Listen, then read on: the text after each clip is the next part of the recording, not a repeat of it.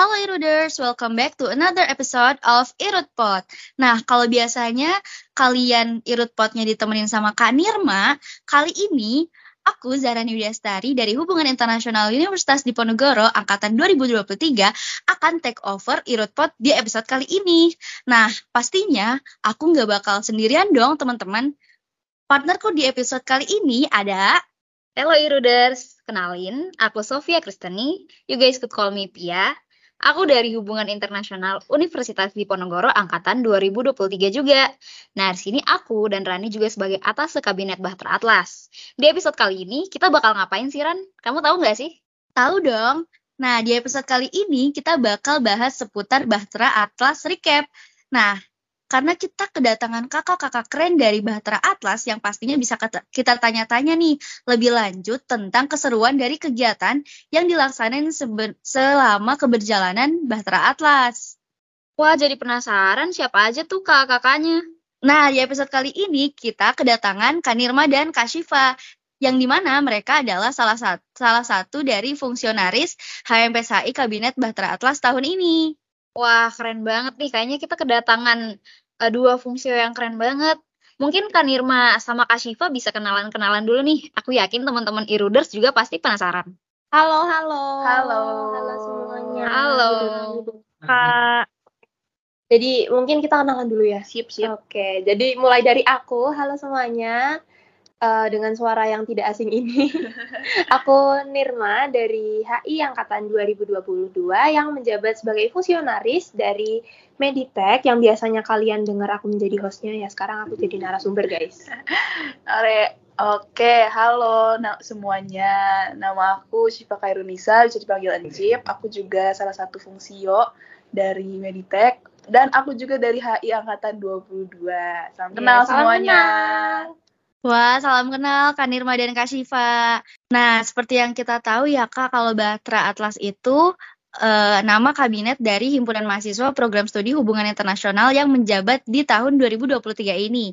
Tapi uh, boleh gak sih Kak Shiva dan Kak Nirma kasih tahu lebih lanjut ke kita tentang apa sih sebenarnya Bahtera Atlas itu?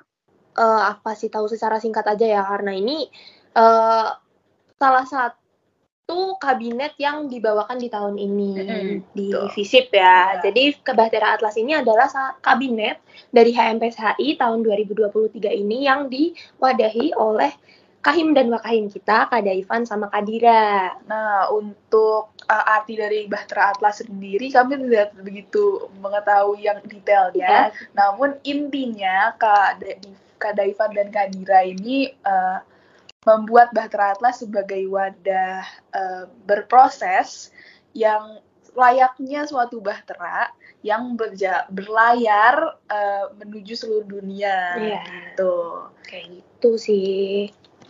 Wah, keren juga ya Kak. Berarti artinya dari Bahtera Atlas ini. Nah Kak, subung kita juga udah agaknya ya, kayak udah di akhir-akhir nih masa kabinet Bahtera Atlas. Kira-kira selama setahun ini, Kak Syifa sama Kak Nirma itu perasaannya gimana sih? Mungkin sedih, senang, mungkin ngerasa kalau Batra Atlas itu home kakak atau tempat untuk berproses. Mungkin boleh untuk diceritain dikit-dikit? Waduh, gimana ya? Perasaan gimana Perasaan ya? Uh, uh, jadi kan aku di sini pernah megang satu event ya yeah. untuk di Bahtera Atlas ini jadi pastinya dari awal tahun sampai akhir tahun nih rasanya ada capek-capeknya, mm -hmm. tapi ada kayak seneng-senengnya juga karena uh, dengan adanya Bahtera Atlas ini aku punya wadah untuk berkembang dan kayak aku nih uh, orangnya dulu tuh bener-bener kayak susah bikin temen dan susah kayak bertemu, susah ngomong, susah apa.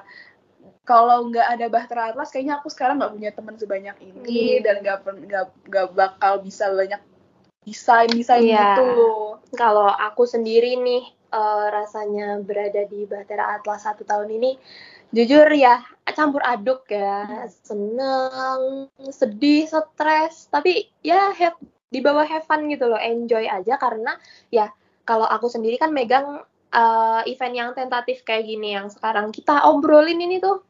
Event aku ya proker aku. Jadi kayak selama setahun itu proker aku berjalan ya aku tetap jalanin secara enjoy, have fun ya aku bawa fun aja.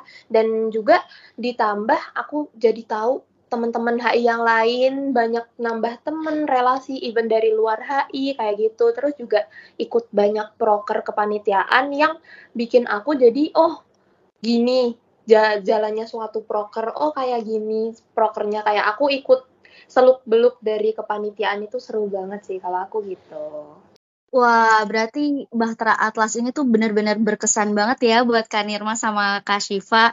Karena uh, selain kegiatannya yang seru, yang bisa dinikmatin sama mahasiswa-mahasiswi dari hubungan internasional itu sendiri, Bahtera Atlas juga bisa jadi tempat berproses atau berkembang ya untuk para fungsio dan uh, staff-staff lainnya. Benar dan banget. kayaknya Nah, betul kan Kak? Nah, kayaknya Bahtera Atlas ini juga pastinya punya bidang-bidang hebat nih yang siap ngehandle kegiatan-kegiatan seru itu supaya bisa dinikmatin bareng-bareng sama kita. Wah, bener banget tuh Ran. Seru gak sih Ran kalau misalnya kita bahas satu-satu nih per bidangnya? Seru banget ya pastinya ya. Gimana kalau kita langsung aja nih dengerin dan kita ulik ada berapa dan apa aja sih bidang-bidang yang ada di Bahtera Atlas ini? Oke, okay. jadi satu BPH, jelas. Dua PSDM, tiga hooker, empat mikat, lima adkesma, enam pengapmas, tujuh ekobis, delapan meditek, sembilan BKA. Yes, bener banget. Itu kesembilanan bidang ini tuh bener-bener uh, memiliki prokernya masing-masing dan uh, fokus masing-masing. Kayak misal Meditech itu fokusnya dalam sosial media dan ya media dan teknologi. Kalau BKA lebih ke analisis kayak uh, eventnya seperti IRDIS yang belajar menganalisis suatu kejadian kayak gitu. Beda-beda setiap bidangnya. Jadi memiliki spesialisasi masing-masing. Wih, keren ya Kak. Jadi ada bidang yang dispesialisasinya masing-masing kayak ada bidang yang seni dan olahraga banget, ada yang research, pengabdian masyarakat, ada yang hubungan kerja sama eksternal, yang bikin rangkaian pengembangan skill mahasiswa, ada juga yang nyarinya cuan, ada yang turut membantu kesejahteraan mahasiswa HI, bahkan ada juga yang bikin podcast kayak sekarang ini. Nah, oh iya Kak, Batra Atlas ini kan udah mendekati waktu demis ya Kak? Dan bakal ada oprek fungsio juga. Kira-kira Kak Nirma bisa jelasin nggak sih kayak gimana mekanisme oprek fungsio ini? Oke, okay, aku bakal jelasin ya sepemahaman aku karena aku di sini kan bukan sebagai panitia yang membuka oprek, jadi aku menceritakan experienceku sebagai POV uh, eh, yang ikut oprek gitu kan. Jadi kalau oprek fungsio pada tahun ini yang Bahtera Atlas ini dilakukan di bulan awal Januari di mana itu open recruitment biasa kita ngisi form, terus habis itu uh, eh, CV dan lain-lain, lalu kita ikuti prosesnya itu ada wawancara. Nah, wawancara di Kabinet Bahtera Atlas ini ada dua, wawancara per bidang dan juga wawancara BPH. Di mana wawancara bidang ini kita tuh bisa milih dua bidang yang ingin kita uh, ikuti gitu yang kita inginkan yang kita daftari gitu kan. Nah, kebetulan untuk aku sendiri di tahun ini aku daftarnya dua-duanya di bidang Meditech sendi di bidang Meditech dua-duanya karena ya aku sedulunya juga seperti kayak Rani kayak Pia juga aku dulu uh, atase yang juga di Meditech dan aku ngerasa kayak udah cocok, udah klop, udah kayak BST banget tuh sama Meditech. Jadi aku kayak oke okay, aku akan lanjut di Meditech aja. Jadi aku milih dua-duanya di Meditech kayak gitu. Nah, kalau aku aku juga uh, pas uh, oprek fungsio ini aku juga milihnya Meditech doang Meditech dua-duanya. Karena sama seperti Nirma aku juga dulu atas Meditech dan aku udah nyaman banget sama Meditech udah nyaman banget sama kakak-kakaknya ya udah. Ada deh aku uh, di Meditech aja. Dan hmm. kita berdua langsung masuk. masuk. nah untuk tahun depan kalau kita ngomongin tentang oprek di kabinet selanjutnya itu kita nggak tahu ya mungkin ada perubahan dari mereka nggak cuma yeah. wawancara doang mungkin ada FGD atau ada LGD iya yeah, karena setiap tahunnya setiap kabinetnya itu mereka memiliki uh, keunikan masing-masing yang kayak ya caranya tergantung sama kabinetnya beda-beda yeah. gitu. Jadi nggak bisa dijadikan patokan kalau oh oprek kayak gitu gitu. Nggak bisa. Betul. Kayak gitu. Oh berarti dari uh, segi alur utama atau mekanisme utamanya nggak jauh beda ya kak sama oprek atas yang udah aku sama Pia lalui. Nah karena kita udah tahu nih gimana mekanisme atau alur-alur dari oprek fungsio dan apa aja bidang-bidang yang ada di dalam himpunan ini sendiri. Tapi sebenarnya HMPSH ini punya event besar apa aja sih kak? Aku kepo banget nih.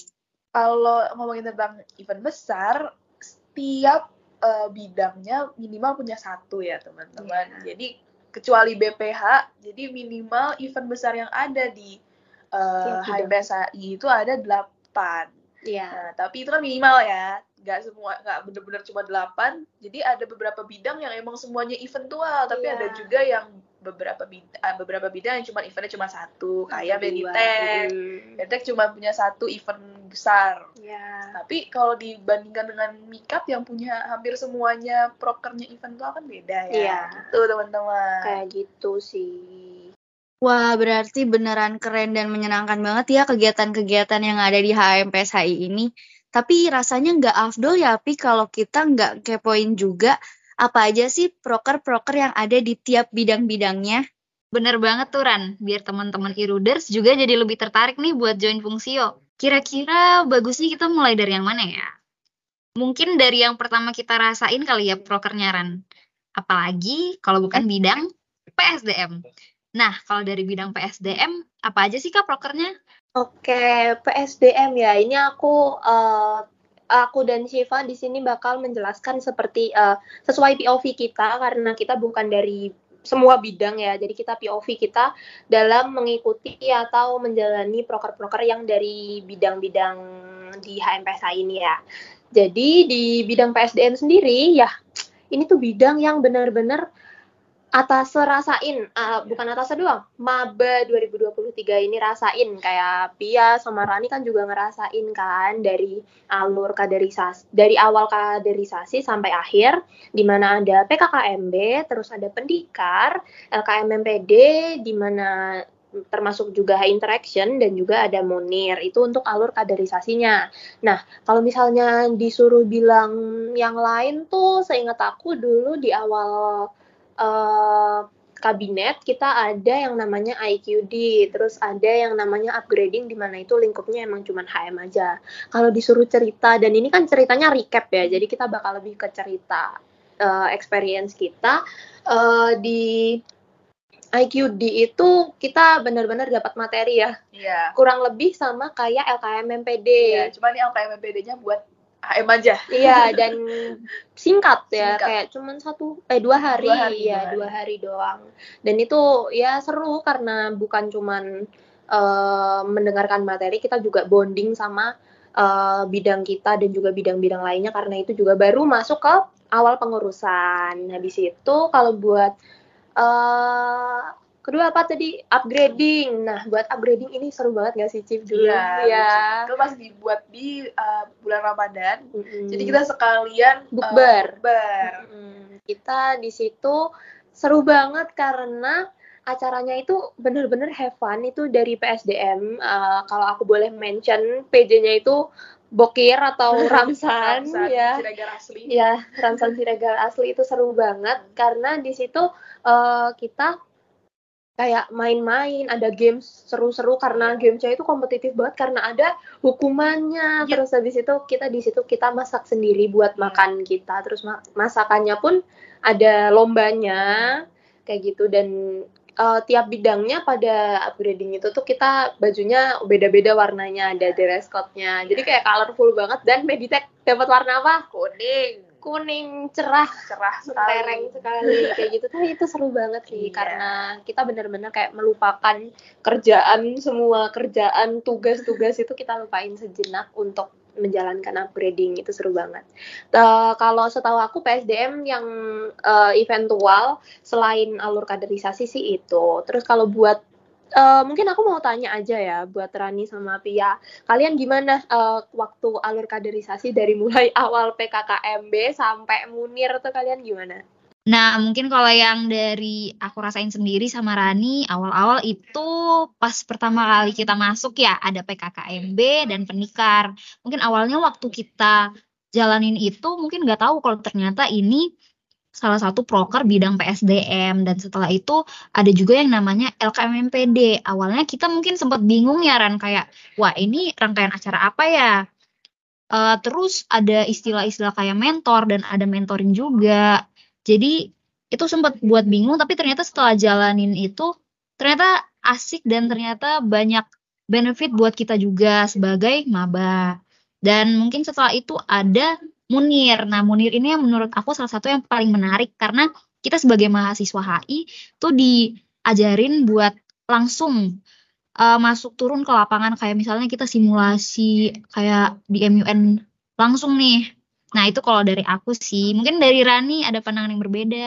Sebenarnya kurang lebih sama ya sama apa yang dirasain Pia dan mungkin kebanyakan dari mahasiswa-mahasiswa baru juga pasti nggak jauh beda rasanya. Tapi kalau dari aku sendiri, aku ngerasa kalau alur kaderisasi mulai dari PMB, terus kemudian lanjut pendikar, LKM MPD, yang di mana di LKM sendiri ada yang namanya high interaction ya. Kita uh, kumpul bareng sama mentor-mentor kita. Terus juga selain itu ada Munir. Bener banget sih, aku setuju banget sama Pia kalau Munir nih bener-bener seseru itu karena jujur buat aku uh, ini bisa jadi experience baru karena sebelumnya aku nggak pernah nih ngalamin yang namanya simulasi kita jadi uh, delegasi dari negara-negara uh, di seluruh dunia gitu. Oke.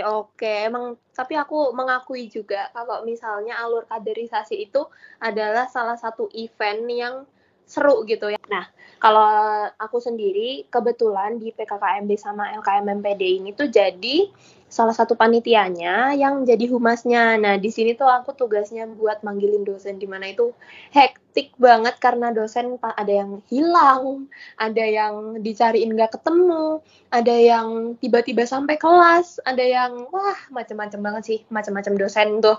Tapi terbayar sama kayak uh, materinya yang dibawakan juga benar dan sesuai sama uh, rundown. Terus habis itu teman-teman maba yang juga aku lihat banget maba-maba uh, angkatan 2023 ini tuh sangat excited untuk ngikutin uh, alur kaderisasinya gitu. Terus habis itu di LKM MPD dan High Interaction, kebetulan juga aku jadi panitia.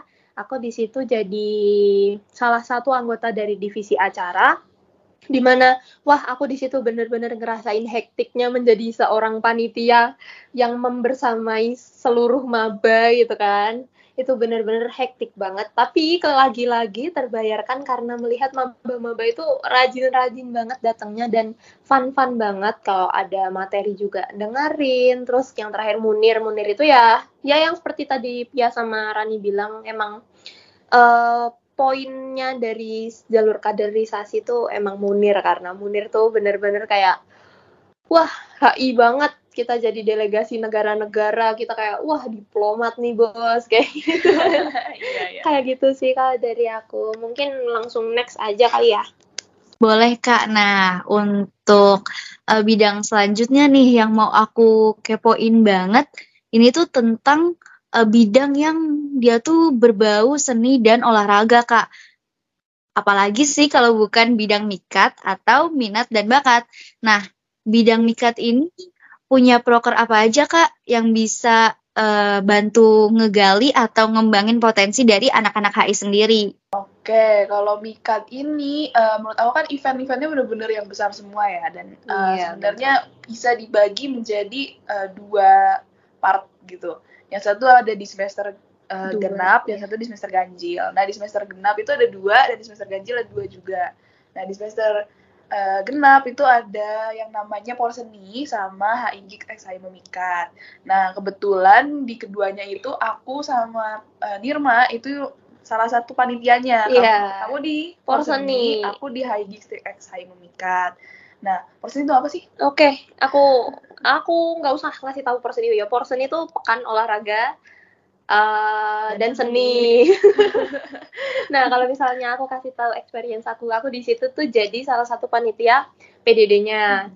Itu aku seru banget sih di sana karena uh, itu benar-benar acara yang benar-benar mewadahi bukan cuman anak-anak ma eh, mahasiswa-mahasiswa aktif di HI Undip tapi juga alumni-alumni. Jadi benar-benar sampai angkatan-angkatan atas itu pun ikut yeah. dan uh, kita tuh perangkatan juga kompetitif untuk memenangkan kompetisi. Kayak ada dua hari di porsennya ada yang pertama itu futsal dan yang kedua itu basket. Itu di situ seru banget karena kita jadi kenal sama alumni terus habis itu kita lebih kayak have fun karena itu bener-bener pekan olahraga dan seni bener-bener kita fokus di minat dan bakat nggak mikir-mikir tentang eh, materi-materi kuliah kayak gitu. Itu seru banget sih kalau dari aku. Nah kan kalau por seni itu kan olahraga dan seni aja nih teman-teman. Kalau HI Gigs Exam Mimikat ini cuma malah semua bakat yang dimiliki iya. oleh anak-anak HI itu di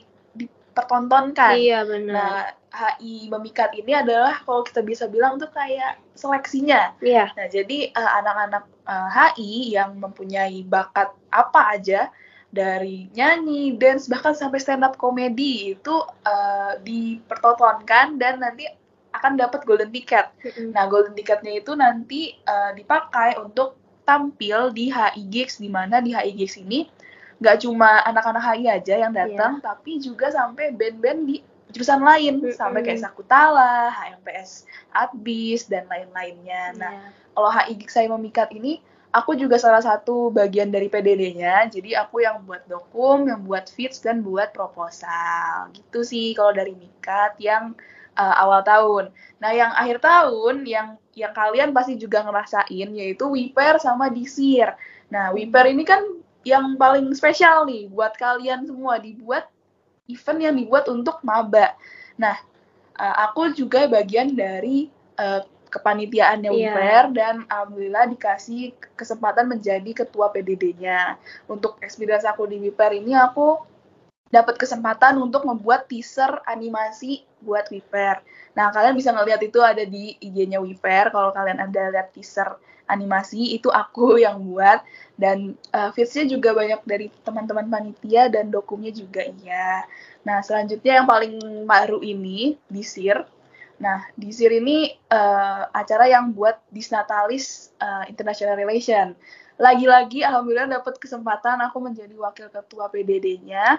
Uh, di sini aku uh, gak begitu banyak sih kerjaannya nggak kayak Wiper kemarin karena di Sir ini uh, yang paling spesial ya dari uh, iya, acaranya Mikat karena cu uh, cuma sebulan doang persiapannya, mm -hmm. hampir sebulan setengah lah. Yeah. Jadi nggak begitu banyak kerjaan tapi juga chaos banget mm -hmm. gitu.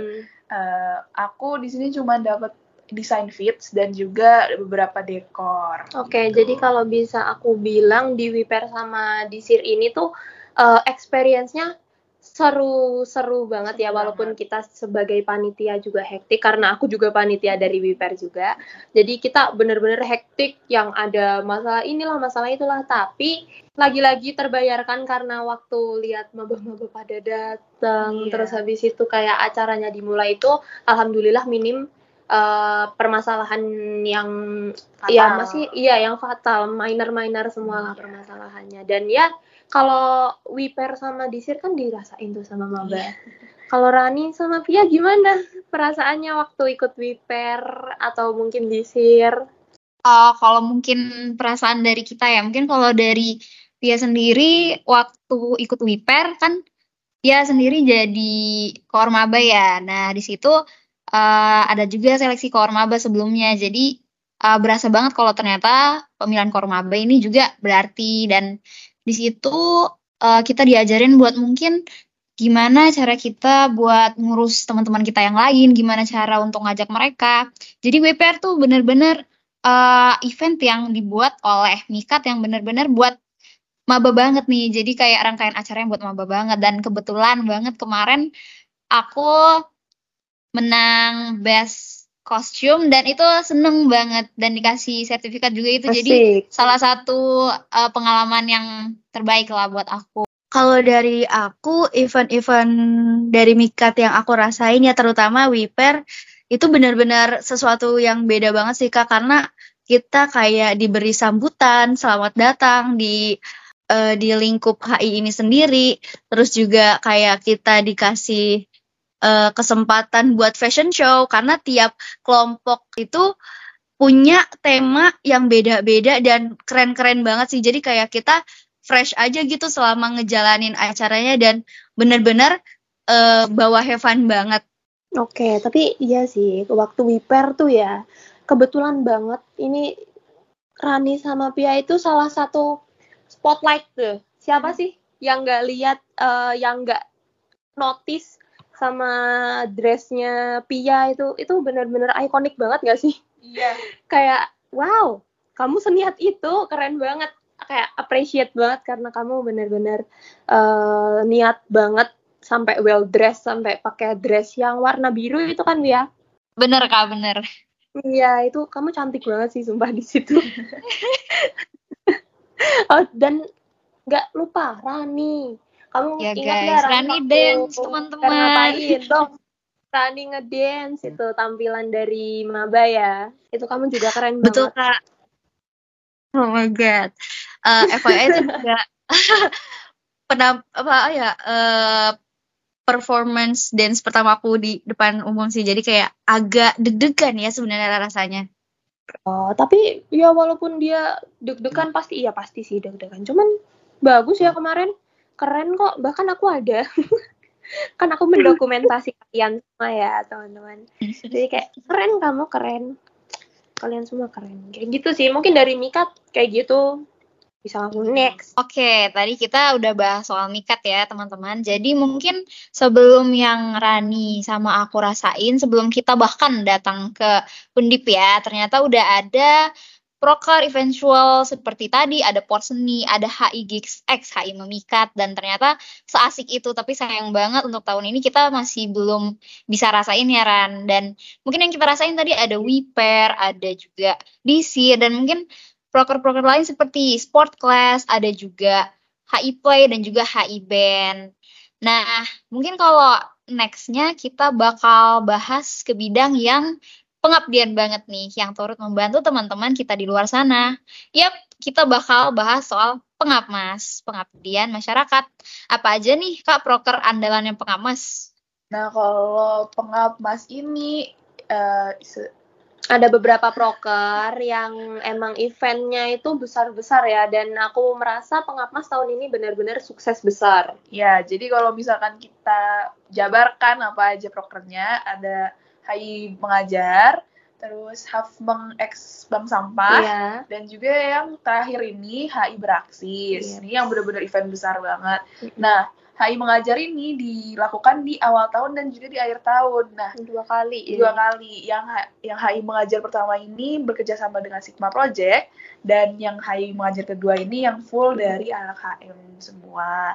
Nah, aku jujur-jujur aja ya teman-teman, aku daftar buat HI mengajar cuma nggak keterima, agak sedih sih karena aku pengen hmm. banget volunteer, cuman nggak apa-apa deh, kapan-kapan masih bisa lagi. Nah kalau HI mengajar ini untuk apa ya prokernya untuk mengajar anak-anak uh, yang mungkin kurang beruntung ya dalam uh, itu dalam akademis. Nah, kalau dari HI mengajar sendiri, aku juga kebetulan nggak ikut ya. Cuman kalau aku lihat dari dokumentasinya, terus habis itu aku lihat story-story teman-teman kita yang ikutan itu benar-benar seru-seru ba seru banget karena kayak mereka jadi uh, kayak belajar untuk mengajarin anak kecil yang hmm. anak-anak kecilnya lucu-lucu banget, gemes-gemes banget dan mereka aktif-aktif banget tuh kalau aku lihat-lihat yeah. dari story-story teman-teman. Kalau mungkin dari aku sendiri kemarin puji Tuhan aku lolos dan uh, diberi kesempatan buat ikut di tanggal berapa ya waktu itu di bulan uh, mungkin agak di akhir-akhir tapi jujur pengalamannya itu seru banget jadi itu pertama kali uh, aku ikut mungkin rangkaian kegiatan yang mungkin ke lebih ke pengabdian masyarakat ya. Jadi kemarin kita itu ke Rubik School. Nah, di Rubik School ini aku ketemu sama adik-adik mungkin yang bahkan ada yang dari kelas 1, ada juga yang udah kelas 6 dan di situ uh, adik-adiknya itu jujur pinter-pinter banget sebenarnya. Cuman mungkin karena berhalangan mungkin ada beberapa hal-hal ya. Jadi mungkin tidak bisa uh, disekolahkan, tapi teman adik-adik di situ itu benar-benar uh, baik-baik banget dan mereka juga mau belajar dan diberikan kesempatan untuk turut mengajari mereka dan membersamai mereka itu salah satu pengalaman yang bagus banget. Jadi aku sangat bersyukur bisa mungkin ikut salah satu proker yang diadain oleh pengapa sendiri? Uh, jujur kalau HI mengajar, aku waktu itu nggak bisa ikut karena ada suatu hal. Jadi aku uh, berhalangan hadir, berhalangan buat partisipasi jadi volunteernya. Tapi uh, alhamdulillahnya kemarin begitu ada announce tentang HI Beraksis Vol 2, aku uh, cepet-cepet daftar untuk jadi volunteernya dan alhamdulillahnya keterima. Jadi aku bisa rasain experience baru di mana aku bisa uh, berkunjung ke teman-teman yang tinggal di panti asuhan. Kayak kalau kemarin kita itu sempat ke uh, SOS Children Village. Jadi kayak di sana selama HI beraksis kita main-main bareng, kita seru-seruan bareng sama adik-adiknya. Oke, berarti wah kalau Rani berarti ikutnya HI Beraksis nih. Nah, hmm. kalau dari tadi ada HI Mengajar, ada HI Beraksis, ada apa lagi sih, Ada yang namanya Safari Mengabdi X Bank Sampah. Iya. Nah, kalau ini nih kemarin dilakuin di akhir semester genap, genap ya. Iya. Uh, kebetulan aku juga nggak bisa ikut karena di akhir akhir semester kan aku harus pulang ke rumahku mm -hmm. yang di luar kota. Nah, untuk Safmeng dan Hai self bank X bank, bank sampah. ini mereka uh, volunteernya menginap di suatu uh, desa, desa di daerah mana ya dekat Bandungan ya? Uh, iya, ingat aku di mana ya? Pokoknya aku juga kurang tahu di, tepatnya. Ya di Kabupaten Semarang iya. teman-teman. Yeah. Jadi mereka itu uh, volunteernya adalah membantu warga-warga desa. Jadi kayak mini KKN gitu deh. Ya, aku juga uh, ada banyak banget teman-teman kita yang ikutan kan. Aku juga kayak didapat cerita dari mereka yang mereka nginep. Habis itu nginepnya di rumah warga, terus habis itu ada mereka nanem apa gitu, nanem pohon atau apa sampai jalan-jalan kayak off-road kayak seru banget sih itu. Iya. Safari mengabdi.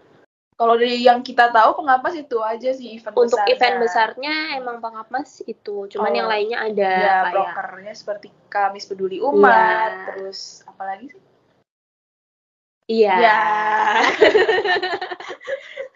Oke, mungkin next lagi teman-teman. Di episode sebelah kita sempat ngebahas tentang IRDIS yang dijalanin sama uh, eh, BKA atau bidang keilmuan dan analisis nih. Tapi Kak, aku mau tahu dong, selain ada IRDIS, BKA ini punya kegiatan seru apa lagi sih Kak? Oke, jadi kalau BKA un mungkin untuk bi uh, acara yang besar ya, itu selain IRDIS yang dilakuin beberapa kali ya di tahun ini, kayaknya lebih dari dua kali atau iya lebih dari dua kali, kayaknya hampir empat kali lima kali ya, uh, gitu. empat kali sih? Ya pokoknya iya, lebih dari dua kali lebih lah. Lebih dari dua kali ya. Lumayan sering lah irdis dilakuin itu. Selain ada irdis, ada yang namanya research school. Yang kemarin belum lama ini juga ya di uh, dikerjakan oleh BKA. Nah di research school ini uh, mengundang beberapa narasumber yang benar-benar keren-keren banget, yang benar insightful, yang memang sudah profesional di bidangnya kayak gitu kalau dari BKA. Nah kalau dari BKA sendiri juga uh, proker lainnya yang mungkin yang tidak eventual kayak gini itu ada hari besar. Ya. Hari besar itu yang diupload sama IGHM. Setiap ada hari besar itu pasti ada uh, posannya. Posannya. Nah, terus kayak juga namanya Irsaf. Ya. Irsaf itu juga di post di IG. Terus Uh, mungkin yang coaching PKM juga iya, ada. benar. Terus apalagi ya banyak sih sebenarnya. Banyak dari BKA dan BKA itu emang fokusnya ke analisis dan pendidikan ya, keilmuan. keilmuan ya. Jadi benar. emang isinya yang tentang uh, diskusi tentang hmm, apa analisis bantu, analisis ya bantu-bantu tentang akademis yes. lah. Gitu. Kayak gitu sih gitu. kalau dari BKA. Wih, ternyata BKA nih salah satu bidang di KMPSHI kita sendiri yang istilahnya mungkin ambis banget ya kak. Jadi kayak soal keilmuan banget analisis dan mungkin kalau dari Pia sendiri kemarin ikut research school. Nah itu tuh seru banget. Jadi diajarin gimana kita uh, langsung kayak bikin PKM terus diajarin gimana tips-tipsnya dan dari situ juga belajar banyak hal sih kak. Dan ada coaching PKM mungkin ya. Nah, itu uh, dari Pia sendiri, Pia dan tim itu uh, mungkin bakal ngikutin ini karena kemarin kita sendiri dapatnya PKM RSH. Nah, jadi jujur BKA ini seru banget sih buat teman-teman yang mungkin passionnya untuk kayak ngejar mungkin soal hal-hal yang isu-isu di hubungan internasional sendiri, mungkin kalian bisa join BKA. Nah, aku yakin teman-teman e-readers ini pasti sering ngafe kan.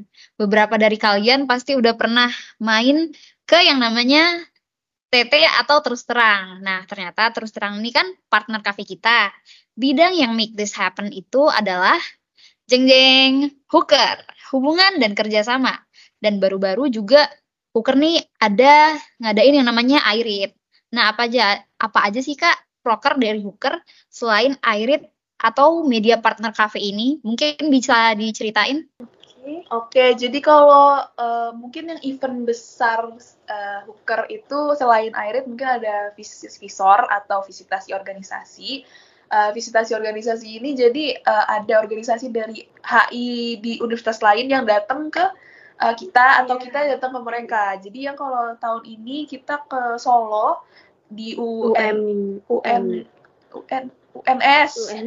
UNS sama yang yang ke kita itu adalah UMY uh, uh, dari Jogja. Nah itu kan visor. Kalau visor ya kita sharing-sharing aja lah tentang mm -hmm. tentang Tapi HI. kita jadi kenal sama eh, anak-anak uh, dari universitas lain yeah. yang bidangnya itu sama-sama di bidang hubungan kerjasama. Uh, nah kalau itu kan uh, si visor. Selain itu ada alumni sharing ya. Iya nah, benar. Kalau alumni sharing ini berarti anak-anak hooker anak-anak hooker kontak uh, alumni-alumni yang dari HI Undip yang udah mulai sukses, yes. yang udah sukses untuk datang sharing tentang uh, experience experience mereka. Nah, itu kalau alumni sharing. Terus dan alumni sharing itu juga belum lama dilakuin ya betul. kayak masih di semester ganjil ini kalau nggak salah. Iya kayaknya iya. awal awal semester, awal ganjil. semester ganjil. Nah selain itu sih prokernya yang udah tentatif ya, jadi yes. sem semacam kayak HI yang di line apa OA lainnya, uh, OA lainnya HI, terus juga tadi yang si uh, kerjasama apa namanya? Oh iya media partner, iya, media partner, terus ya dan banyak lain lah. Pokoknya intinya hooker ini proker-prokernya bener untuk uh, bekerja sama dengan pihak eksternal yeah. agar uh, HBSI ini tetap punya uh, hubungan yeah. lah dengan pihak-pihak eksternal. Ya, jadi kayak emang fokusnya Hooker ini emang di eksternalnya gitu, yang yeah. membersamai HI untuk lebih luas lagi lingkupnya kayak gitu. Kalau untuk Hooker Oh iya, itu Hooker kan juga ada Irit yang kemarin kamu oh, ikut. Oh iya, Irit. Nah, aku kebetulan aku ikut Irit teman-teman kemarin Irit ini ke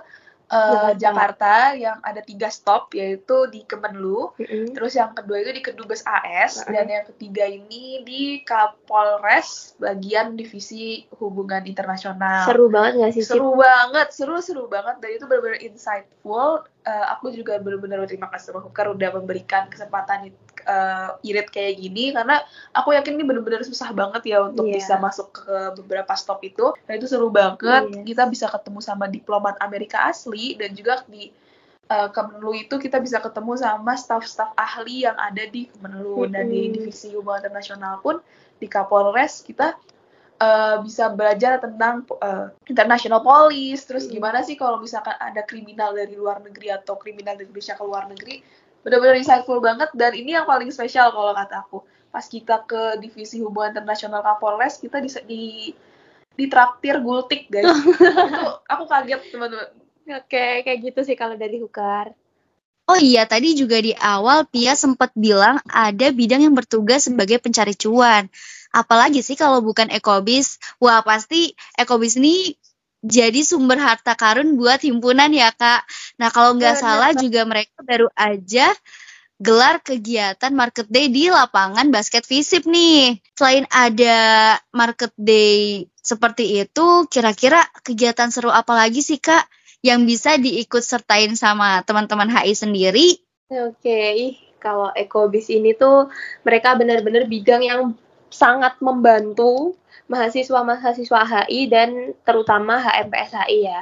Jadi kalau event yang ada di Ekobis sendiri itu selain kemarin ada market day yang di mana wow market day itu kalau kalian kalau ini FYI aja mungkin juga Pia tahu ya kalau Market Day ini tuh ada secara dadakan. Uh, unexpectedly walaupun dadakan juga berjalan dengan lancar dan uh, kating-kating angkatan 21 yang mengikuti uh, Market Day ini untuk uh, kalau nggak salah mata kuliah kewirausahaan ya, itu tuh juga berhasil gitu.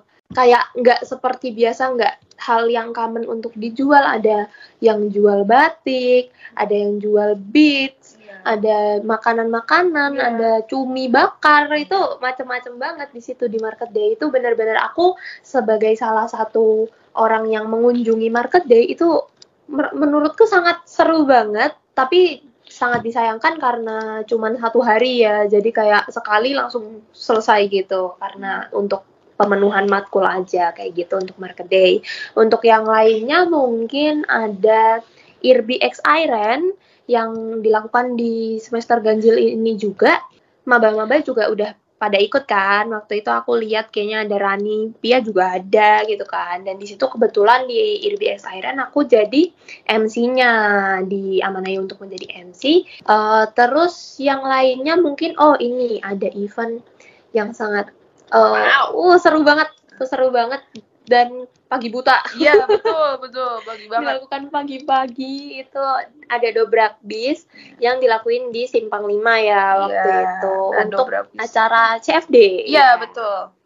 Nah dobrak bis ini eh, nggak uh, cuma ekobis aja yang membuat tapi ada mikat juga iya, guys. Iya, itu collab sama mikat. Iya, jadi di dobrak bis ini mereka jualan di daerah Simpang Lima iya, ya. benar. Nah.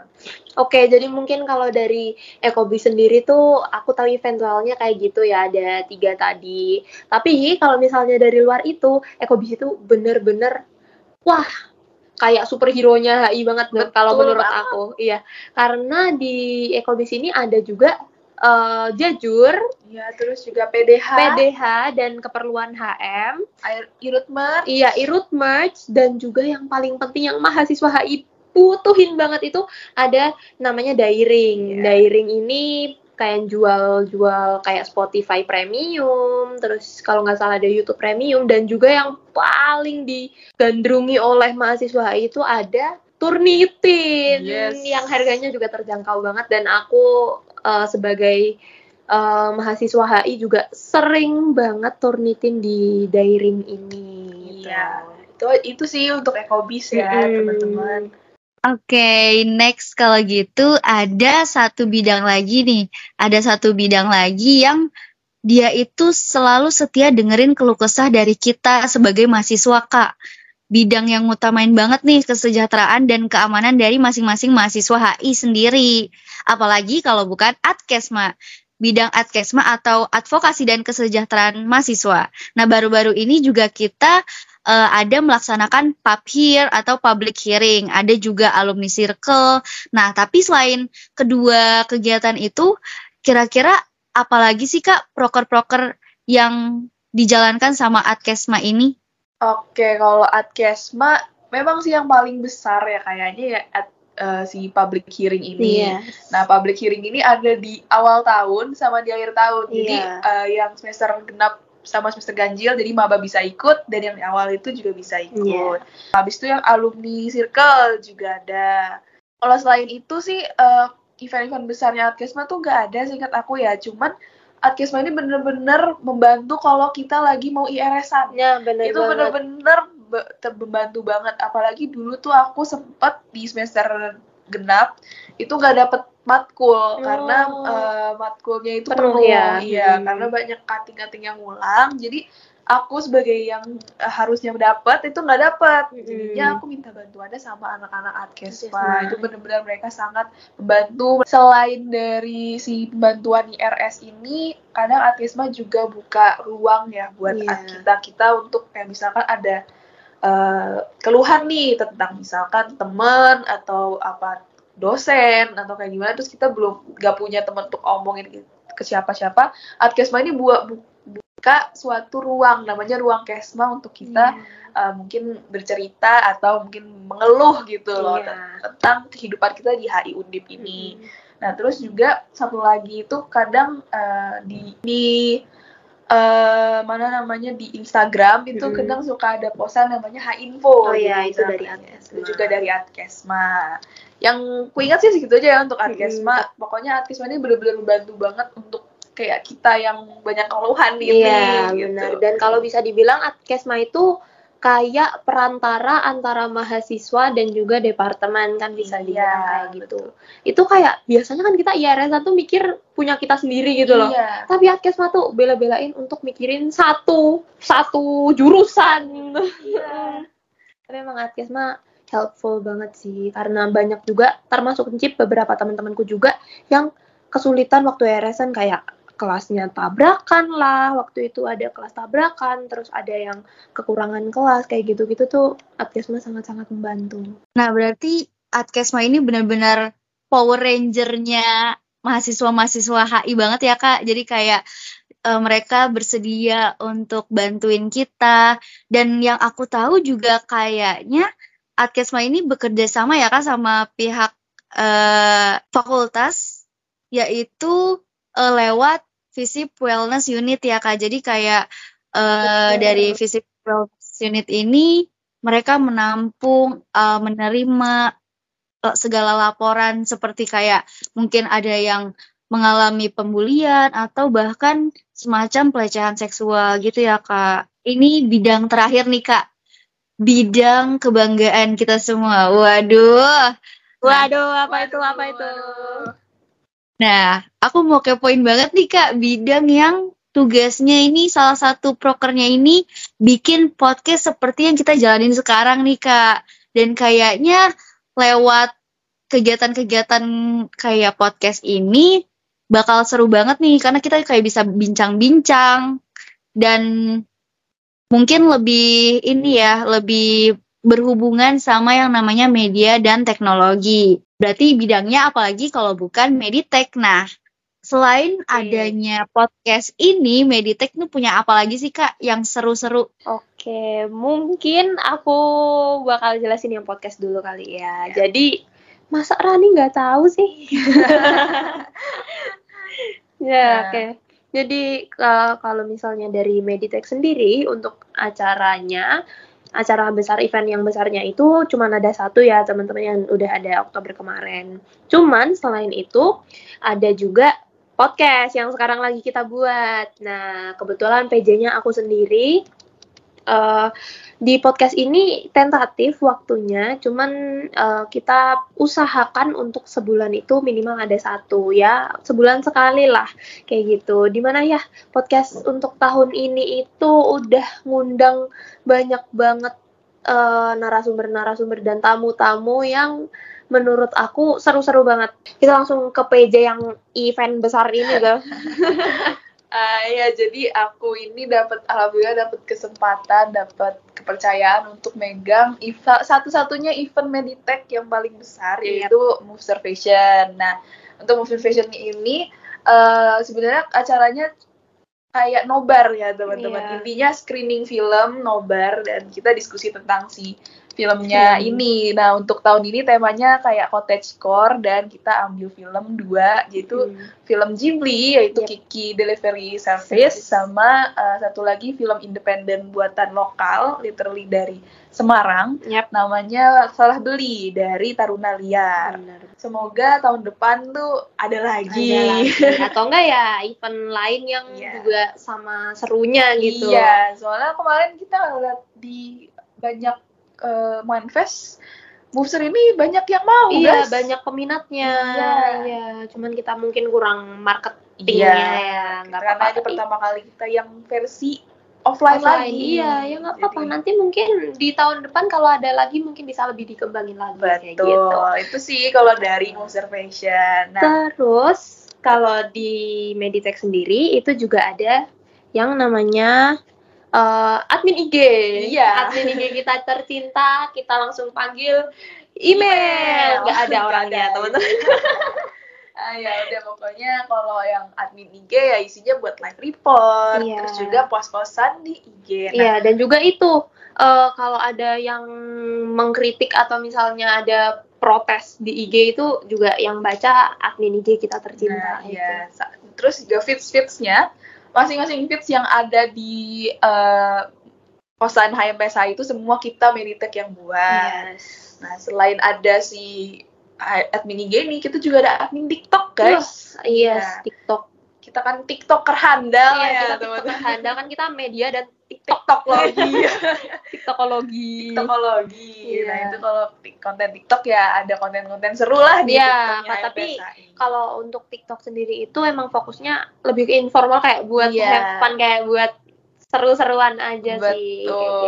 Nah, selain itu ada yang paling penting guys, yes. yang baru tahun ini baru rilis, rilis banget namanya website. Yes. Jadi website ini kemarin dibuat sama teman kita bisa dan itu sekarang bisa diakses ya guys. Iya. dan itu benar-benar sangat um, infa, in, informasi. Informatif. Informatif ya. Sangat-sangat informatif bagi teman-teman yang memang penasaran dengan HMPSI iya benar banget. Dan juga jangan lupa sebentar lagi Betul. kita bakal ada upload yang namanya Kompro Company Profile.